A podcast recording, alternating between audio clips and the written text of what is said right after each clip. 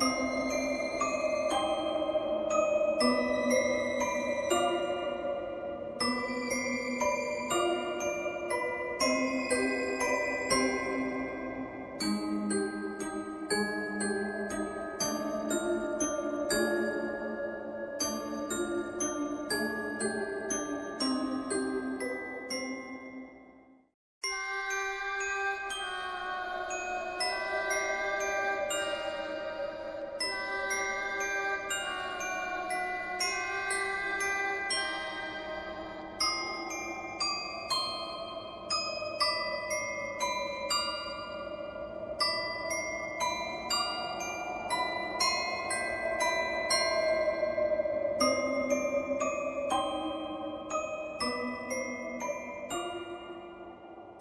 Seperti biasa, sebelum saya memulai podcast horror story ini, saya akan membacakan tentang quotes atau kata-kata yang menakutkan. Baik, saya akan memulai quotes atau kata-katanya. Setiap malam, aku bermimpi bisa bertemu denganmu. Dan pada akhirnya, mimpiku terkabul, tetapi tidak dengan jiwamu, melainkan jasadmu. Setiap malam, Aku tak pernah nyenyak dalam tertidur. Bagaimana tidak? Karena CCTV ku selalu merekam seseorang yang berdiri di jendela kamarmu. Sendirian di kamar bukan hal yang mudah bagi semua orang.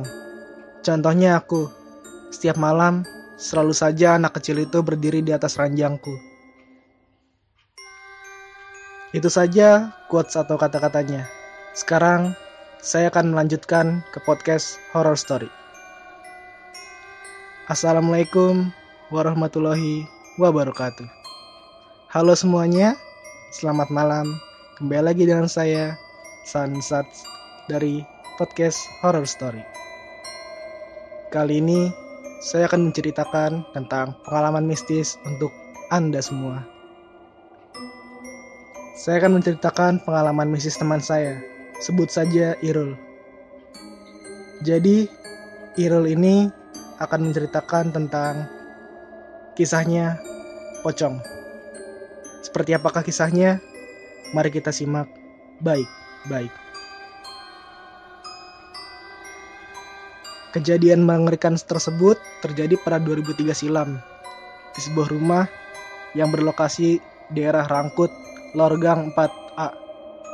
Rumah tersebut dihuni keluarga besar yang terdiri dari empat keluarga. Ia mengaku saat itu usianya masih anak-anak dan masih duduk di bangku taman kanak-kanak. Ia masih ingat betul kejadian horor itu pertama kali muncul saat malam Jumat Legi. Malam itu, ia tengah mencari-cari sesuatu yang bisa dimakan dari dalam kulkas. Tiba-tiba, Gordon yang berada di sampingnya bergerak sendiri. Hal yang sama pun terjadi pada gorden kaca di ruang tamu.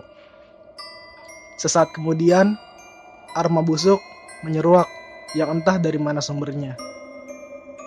Tiba-tiba, ujung gorden sampingku bergerak, melembung-lembung, ditambah ada bau busuk dan ada angin lirih. Kering gitu rasanya, tulisnya. Meski usianya masih anak-anak, rupanya ia cukup berani. Lantaran penasaran, ia memberani, memberanikan diri membuka gorden yang berada di sampingnya. Sesaat kemudian, ia dibuat penampakan pocong di kaca.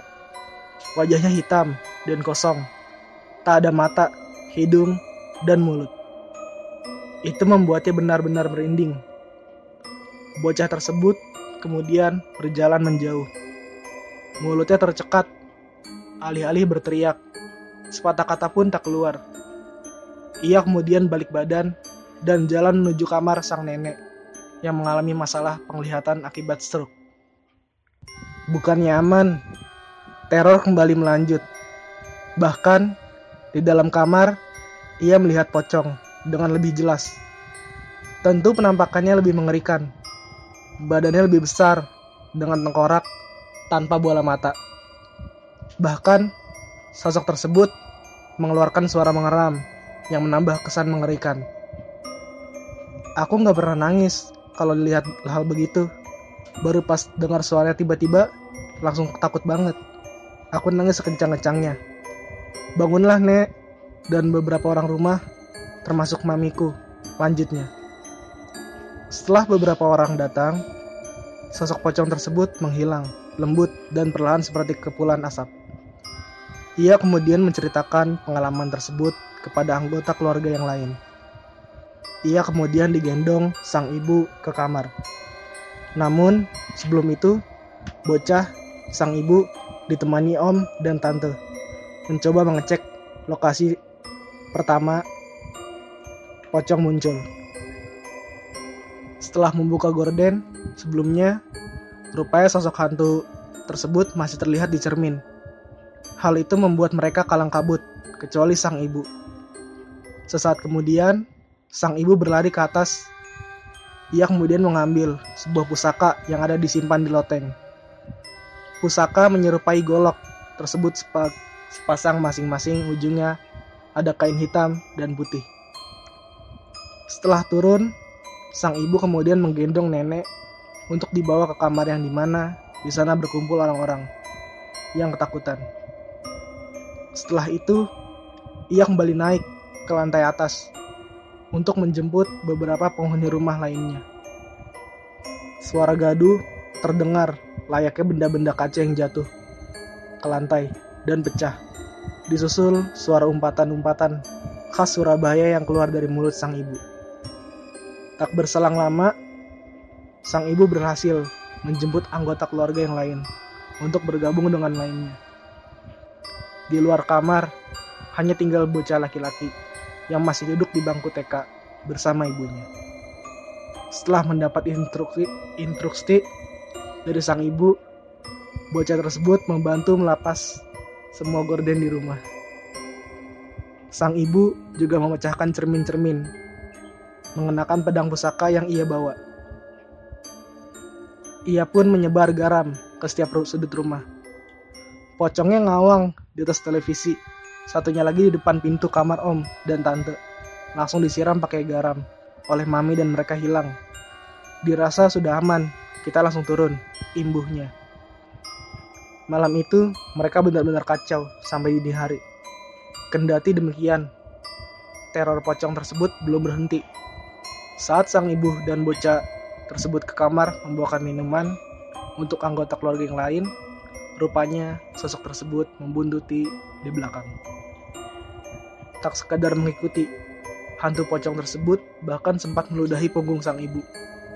Hal itu kemudian membuat ibu bocah tersebut yakin pocong-pocong yang melakukan teror kepada keluarganya merupakan kiriman dari seseorang. Mereka marah dengan nyipratin ludah. Dan kalau sampai ada pocong marah, artinya fix bahwa pocong ini gak murni alias dikendalikan seseorang. Karena sejatinya mereka itu sebenarnya takut juga buat menampakkan diri, imbuhnya. Dalam kondisi sedemikian itu, mereka yang berkumpul dalam suatu ruangan hanya bisa berdoa, hingga akhirnya terdengar suara azan. Makhluk gaib itu tak lagi menampakkan aktivitas teror. Sang ibu pun meminta anggota keluarga untuk segera mengambil air wudhu, sementara anggota keluarga yang katolik mengambil rosario.